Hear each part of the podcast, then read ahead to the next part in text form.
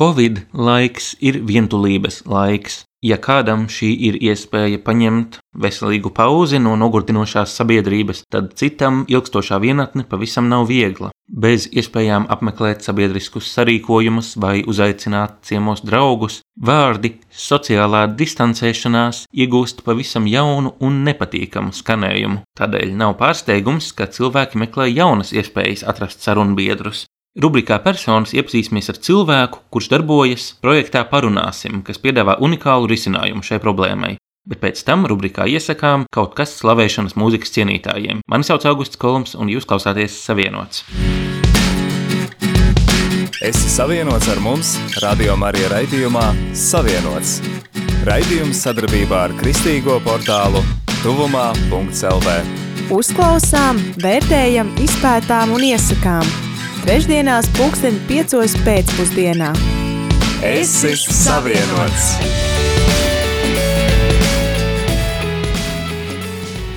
Rubrika Personas.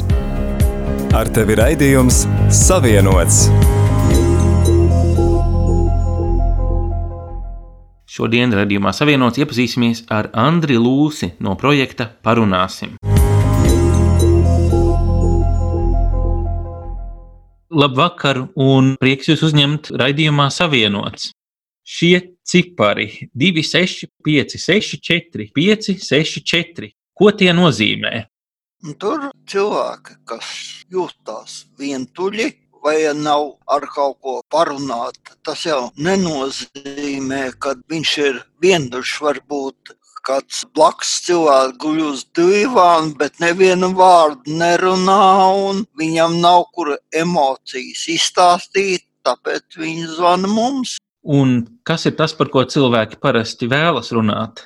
Nu, ir dažādas tēmas, citiem ir dažādi sociālie apstākļi, grūti gribās parunāt. Daudziem ļoti nav pieejams vispār internets un pat arī televīzija. Tad cenšas uzzināt notikumus no mums. Vai tas ir viegli būt tam cilvēkam, kurš uzklausa šos daudzos zvanītājus? Nu, ir ļoti daudz. Es jau strādāju vairāk nekā divus gadus, un tie zvanītāji jau ir dažādi, ir ļoti laipni sarunā, bet ir arī tādi cilvēki, kas jau 70. reizi stāsta vienu tā pašu, bet ir jāuzklausa, viņam ir iespējams kādas mentālas grūtības, bet tādus cilvēkus jau arī nevar atstumt.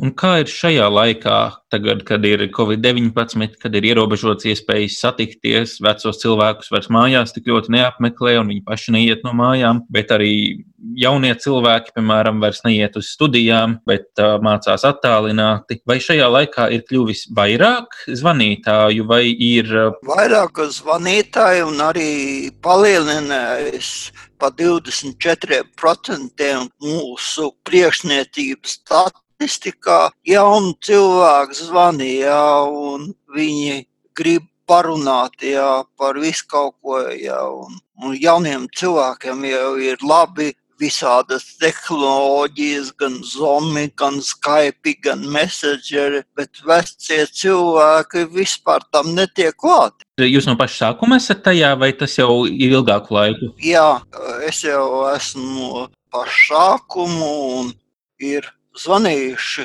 6546 reizes. Cilvēku uh, skaits ir ļoti liels. Tad es gribētu jautāt, kas jūs pamudināja iesaistīties šādā kalpošanā?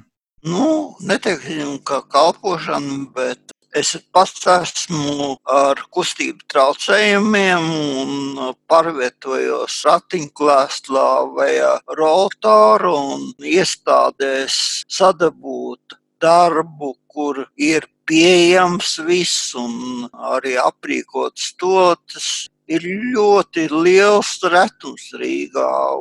Šis uzņēmums Sonda mums to piedāvāja, ja, tagad jau vairāk strādājam attālināti, bet tad pārsvarā strādājam no biroja.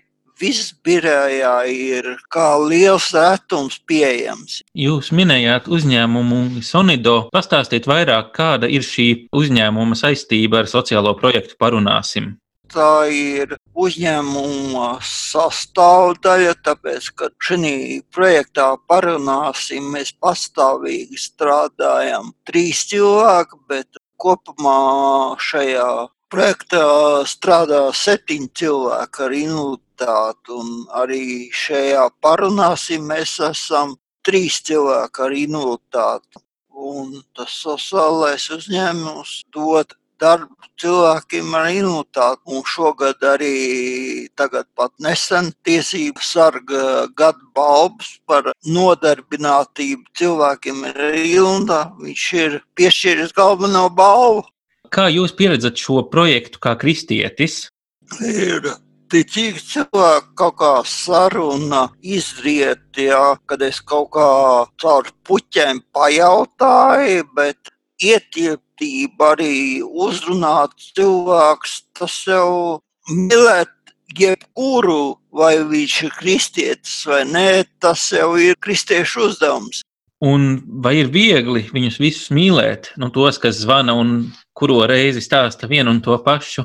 Nu, to ir diezgan grūti, bet reizēm nākās sakot zobus, bet arī cilvēks stāsta tādas lietas, un Wikipēdijā vajag uh, uzzināt vairāk informācijas, lai es arī kaut ko varētu pateikt pretim. Viena sieviete mums ir izteikta, uh, labākajos laikos viņai bijusi visās baleta izrādēs un pazīst visas baleta dejotēs. Es esmu arī izpircis un uzzinājis, kas ir un klausījies. Un tagad es sev uzskatu par īstu baleta speciālistu. Vispār, kas ir tās lietas, ko jūs esat iemācījies vai uzzinājis, darot šo darbu ar šiem dažādajiem zvanītājiem? Mums arī notiek apmācības. Tomēr ir arī, neteiksim, ka daudz, bet ir cilvēki ar mentālām grūtībām, dažādām mentālām slimībām. Galvenais ir nepārkāpt, nenokaitināt. Un sarunai jābūt ļoti uzmanīgiem ar viņiem. Pastāstiet par citiem cilvēkiem, ar kuriem jūs kopā esat projektā Parunāsim. Kāds ir viņu stāsts dažos vārdos? Viens cilvēks arī viņš spītīgi vēl joprojām cenšas ar rolatoru padās. Tas ir eh, latviski staigulis, jā, ar to iet. Un viņš arī bija jūrnieks un dēļ inficēšanās tā slimība. Otra eh, kundze, kam ir pavadonis suns, strādā pie mums, viņa ir vairedzīga cilvēks. Un arī vēl viena vairēdzīga strādā dažas dienas nedēļā, un arī viena darbiniece strādā citā darbā, pamatdarbā, bet arī viņa droši vien neiet svētdienās uz baznīcu un, un ir pieteikusies, ka viņi varētu dažas stundas strādāt sestdienā, svētdienā. Un šī projekta veidotāja, es saprotu, būtu Inga Mužniece, vai ne? Jā. Jā, un kā tad viņa jūs saveda kopā šo komandu? Viņai jau bija šī ideja. Viņa vairākus gadus bija strādājusi zvanu centrā. Zvanu centrs ir, lai kādu informāciju saņemtu vispār par naudu. Ja? Kā tev autobus iet, vai cikos tev sākās teātris. Tas viss ir maksas informācija. Un viņai zvanījies patsāvīgi viena kundzīte. Viņa zina, ka šis ir uh, maksas tālrunis, un saka, meitiņa, es esmu iekrājusi divus latus, un tagad varu desmit minūtes ar jums parunāties. Un tad sapratu, ka tas darbs ir vajadzīgs, ja, ka cilvēks ir gatavs maksāt, lai viņš parunātos. Cik daudz stundu jūs dienā veltat šim darbam, tieši sarunām ar cilvēkiem? Mēs strādājām divās maiņās, bet arī mēs visi esam cilvēki ar invaliditātēm, un astoņas stundas mūs nostrādāt un nosēdēt krāsā ir pa grūti, un mēs strādājām četras stundas, un pēc četrām stundām otrs nomaina. Darbdienē astoņas stundas. Es saprotu, tas nav maksas zvans, vai ne? Es jautāju tādēļ, ka es skatījos Sonido LV mājaslapā par to, ka ir iespējams atstāt ziedojumu un arī ziedojumu caur mobilī platformu. Jā, tur tāpēc ir dažādas lietas, un tagad arī ir dāvanu kartes, kad ja cilvēks grib, lai viņa mammai vai vectētiņam piezvana, viņš var pieteikt kuponu un pieteikt, un tad viņam arī kāds no mums zvanīs un mēģinās uzsākt sarunu. Un vai ir kaut kāda tēma, kas atkārtojas daudzās šajās sarunās, kaut kas, ko vienmēr izjūt runājot ar šiem cilvēkiem, vai tas ir pavisam daudzveidīgi? Un... Ir ļoti daudzveidīgi. Protams, var sadalīt par kategorijām. Ir viena, kas sūdzās par visu, Un tāpēc arī šajā sonetā ir maksas telefons, kad cilvēki var piezvanīt, pasūdzēties un palamāties. Tur strādā operatori, bet telefons strādā. Es zinu, ka arī uz to lamāšanas telefonu, man liekas, ir kaut kāds zvans pat 40 minūtes bijis, jā, un tas ir 60 centi stundā. Jā. Laikam jau tad mūsu cilvēkiem apkārt ir daudz uz sirds, ka ir tik daudz laika zvanīt, jā, gan parunāties, gan arī palamāties. Arī mums ir vēl pišķiņa citā darbā tāds mums ir projekts SOS bērnu ciematījā un mums ir jāzvana SOS ciemata ziedotājiem un vienkārši pateikt paldies un noskaidrot summu vai nav kāda kļūda un vēlreiz pateikties un ka citreiz, kad tu maini strādāja, tev vismaz 60 reizes dienā paldies jāpasaka. Tas man šķiet prasa tādu emocionālu stiprumu, uzklausīt šos dažādos cilvēkus, ieklausīties viņu sāpēs, viņu pārdomās, viņu raizēs, skumjās, varbūt dalīties arī viņu priekos. Kur jūs to smeļaties? Kā jūs varat panest šo, es teiktu, atbildīgo un droši vien ļoti noslogojošo darbu? Tiešām man ir jāpasakās pirmkārt eh, sievai mēs gan rītā, gan vakarā pielūdzam par darbu, gan par manu, gan par arī viņas darbu un arī par katru situāciju arī nākās panalizēt reizēm un reizēm arī es saņemu padomu, ko tādam cilvēkam pateikt. Un tāpēc, ka lielākais vairākums jau zvanītajā ir sieviešu, ja, un sievietes ādā es nevienmēr viegli varu iejusties, un tāpēc man vajag uh, sievas konsultāciju. Un no visiem šiem zvanītājiem, kurš jums likās tas jaukākais, sirsnīgākais zvans, un kurš bija visgrūtākais?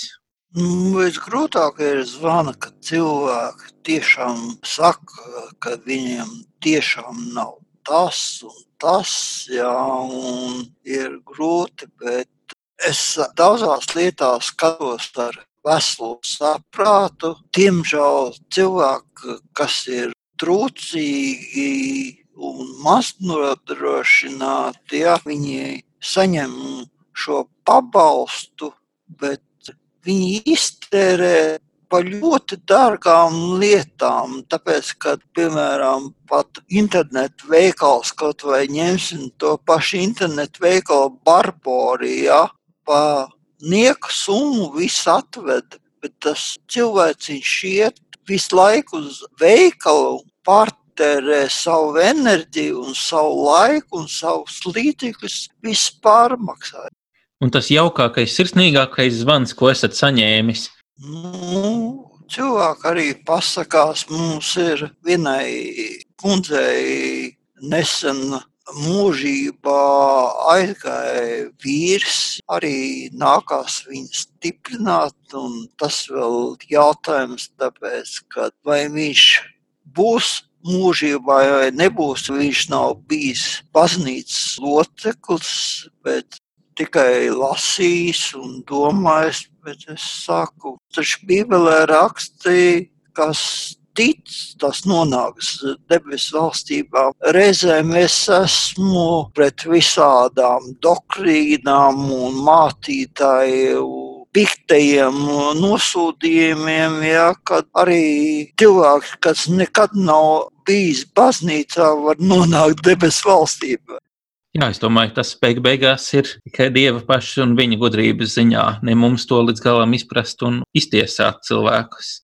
Lai kā tas būtu, baznīca, lai viņi cik svētīgi būtu, viņi ir cilvēki izdomājums un cilvēku iestatījums. Un, bet Dieva viestījums ir pavisam savādāk. Un Dievs runā uz cilvēkiem visādā veidā, ja, un pašā neparastākā. To pat nevar izdomāt un izlozēt, un to nevar vislielākajā doktrīnā ietvert. Jā.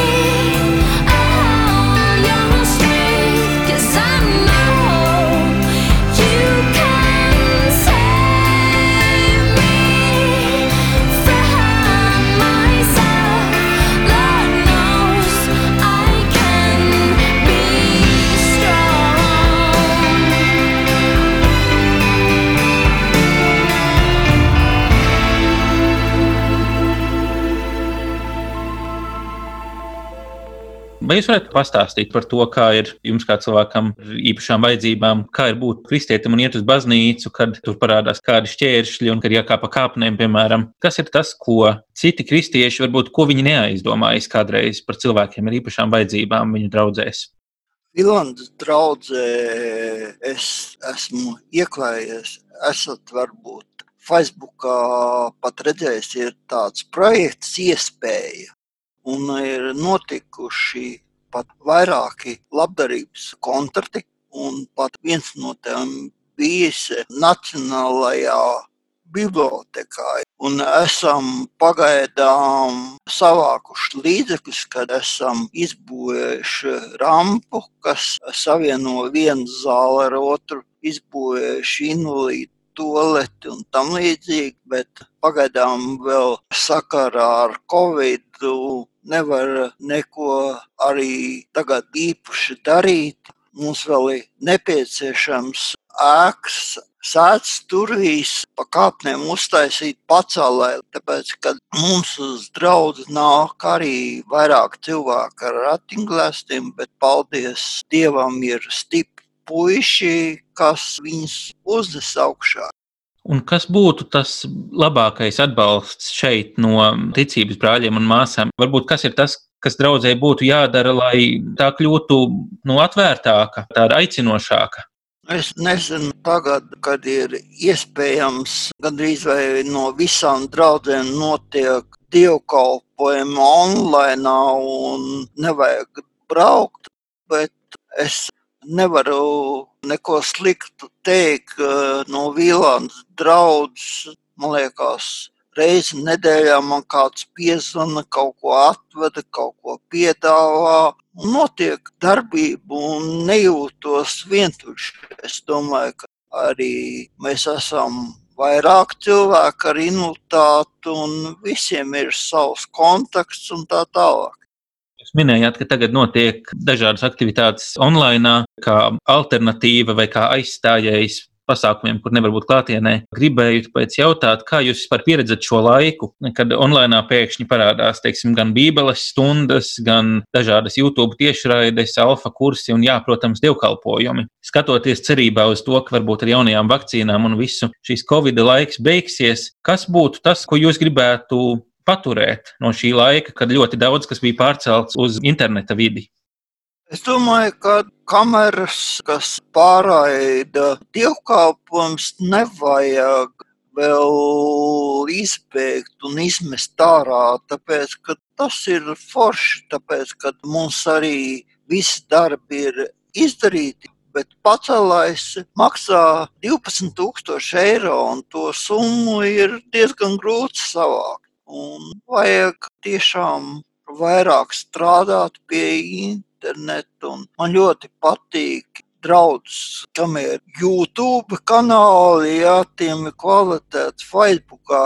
Es reizēm raustās un darās, bet YouTube ir ļoti labi jā, man šķiet, tā ir lieta, par ko baznīca arī kādreiz nepadomā. Ka šie visi attālie līdzekļi, un dažkārt baznīcas baidās, ka, nu, ka tas sāks aizstāt, un tad cilvēki vairs negribēs nākt klātienē. Bet tie attālie līdzekļi tie jau ir vajadzīgi ne tikai tiem, kas ir par slinku atnākt, tie ir vajadzīgi arī cilvēkiem, kuriem ir grūti ierasties. Vai nu ir kāda invaliditāte, kas traucē, vai varbūt viņi vienkārši dzīvo vietā, no kuras kādreiz nav viegli atkļūt. Un šis ir lieta, ko man arī ļoti gribētos, ka baznīca patur un paliek šajā jaunajā elektroniskajā vidē. Tur jau tā lieta, ka es arī pats, kad biju vesels, un pirms Vilānas draudzes, mana pirmā draudzene bija Rīgas semināra draudzene, kad tagad ir māja vieta, un es arī biju draudzes priekšnieks, un bija tāds Hardijs Lauda, kas tagad ir mūžībā. Un es arī nesapratu cik grūti ir eh, tos ratiņus uznest un kā ir nepieciešamība. Un tagad, kad es esmu citajā redzes punktā, jā, tas ir eh, daudz savādāk.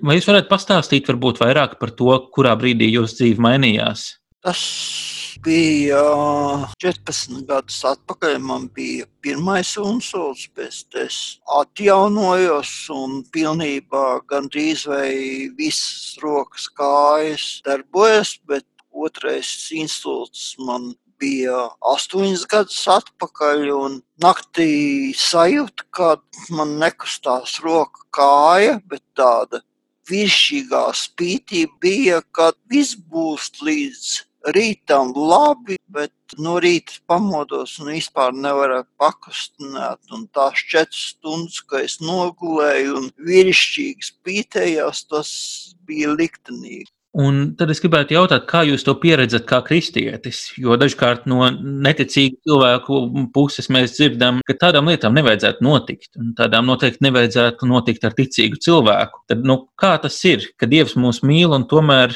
tik smagas lietas varbūt jāpiedzīvo? Manā gadījumā es esmu to visu izanalizējis un arī sapratis, ka Man bija daudzās lietās ļoti traušs temps un ļoti skrēja un ļoti darīja un daudzās lietās aplauzos, bet Dievs man tiešām pielika pie vietas, lai es tik strauji nedarītu un tomēr, ka arī esot jau 24 gadus kristietim, Daudzās lietās mēs izdarām kļūdas un iekuļamies vēl joprojām mēslos. Jūs minējāt, ka 24 gadus jūs esat kristietis. Kurā brīdī dzīvē tas bija, kad jūs nācāt pie kristīgās ticības? Diemžēl es pie ticības nācu cietumā. Jā. Es, man jāatzīst, es nezināju iepriekš šo daļu no jūsu stāsta. Varbūt varat vairāk pastāstīt, kā tas ir, kā jūs to piedzīvojāt, kā Jēzus jūs atrada cietumā. No sākuma tā bija tāda izklaide, pirmkārt, kad varēja tikt uz baznīcām, bet Svētais gars tiešām uzrunāja un sāku ticēt, un kad es atbrīvojos, es biju darījis visādas nelabas lietas, biju visādi nelabi draugi gribēja visu to pāraukt cietumā, un no kapelāniem bija redzējis, ka Adaras Rīga Matīs 50 bēja, un tur es aizgāju, un tur es atradu zilo krustu, un tur es atgriezos un kristījos. Kristījos jau semināru draudējā. Tos cilvēkus, kas ir visu mūžu ticīgi, tos sauc ticīgie ar ciltsrakstiem, jā, un, un tie man liekas ir grūtāk, tāpēc, ka viņi nezina, kas ir mēsli. Tāpēc arī daudz gadījumi tie saucamie ticīgie ciltsrakstiem. Piemēram, es arī biju kristietis un draudzējos ar meiteni un sadarinājāmies un gribējās precēties un vecās māsas tai meitenei teica, klausies, meitiņa, to atdomā galvu, jā, ar ko tu precies, jā. Nevis pozitīvi atbalsta, bet aicina ļoti labi pārdomāt un izvērtēt. Ja klausītāji vēlētos atrast parunāsim, tad tas nozīmē, ir jāzvana uz 2656 45 64. Vienkāršāk ir atcerēties šitā 26 564, 564. tā vieglāk skan, tā vieglāk atcerēties. Bet, protams, nu jā. 26, 564, 564. Paldies, Andri, par jūsu laiku. Tad, lai jauka šis vakariņš un arī tiešām veiksmi darbā, veiksmi kalpošanā.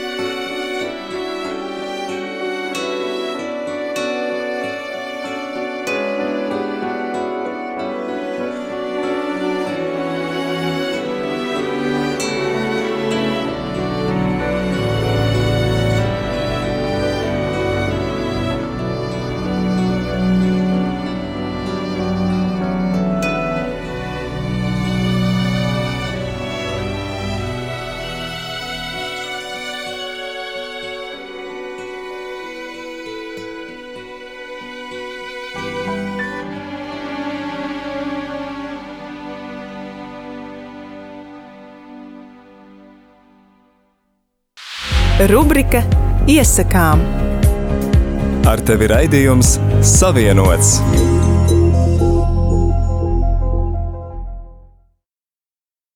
Šoreiz iesakām kaut ko pielūgsmes mūzikas cienītājiem. Septītās dienas adventistu baznīca rīko slavēšanas vakaru tiešraidi. Par to vairāk pastāstīs mūziķis Mārtiņš Subatovičs. Esiet sveicināti! Mani sauc Mārtiņš Subatovičs, un es dieva klātbūtni visvairāk piedzīvoju mūzikā. Un šajā piekdienā es došos uz kādu īpašu pasākumu, un vēlos uzaicināt arī tevi. Tas būs tiešsaistes slavēšanas vakars. Man būs iespēja kopā ar brīnišķīgiem mūziķiem, pianisti Elīnu Strānci, violnieci Ulandu Ābolu, kā arī dziedātāju Ediju Subatoviču, izdziedāt skaistākās kristiešu dziesmas un himnas. Un kā tas notiks? Ekrāna lejas daļā būs redzami dziesmu vārdi, un ik viens to varēs klausīties vai nu kā koncertu, vai arī dziedāt līdzi un pievienoties Dieva pagodināšanai. Tātad šo piekdienu, 11. decembrī, pulksten 19. dodies uz mājaslapu adventisti.lv, un tur sadaļā tiešraides to varēs vērot un piedalīties. Ja vēl tev ir iespēja piedalīties dziesmu izvēlē, līdz 9. decembrim sūti savu dziesmu, ko vēlētos dzirdēt, uz e-pastu mūzika at adventisti.lv. Tās noteikti būs jaukas noskaņas dziesmas, kā reizēm cilvēki mēdz teikt, mūzika dvēselē. Nekas pārāk skaļš un nekas pārāk strauji. Un tā ik viens savās mājvietās, ģimenes atmosfērā ar tēju un varbūt piparkūkām varēsim baudīt šo vakaru kopā. Tātad piekdien, 11. decembrī, pulksten 19. mājaslapā adventisti.lv sadaļā tiešraides. Gaidīsim arī tevi! Raidījumu savienots var klausīties atkārtojumā platformā Apple Podcasts, un nē, tas nav tikai Apple ierīcēs. Vienmēr priecājamies par atsauksmēm, ko sūtāt uz savienots at tuvumā LV. Mani sauc Augusts Kolms, šis bija raidījums savienots un uz tikšanos nākamreiz. Tu klausījies raidījumu Savienots. Būsim atkal ēterā trešdien pulksten piecos pēcpusdienā. Klausies mūsu radio Marija un lasi kristīgo portālu tuvumā.lv. Es esmu savienots!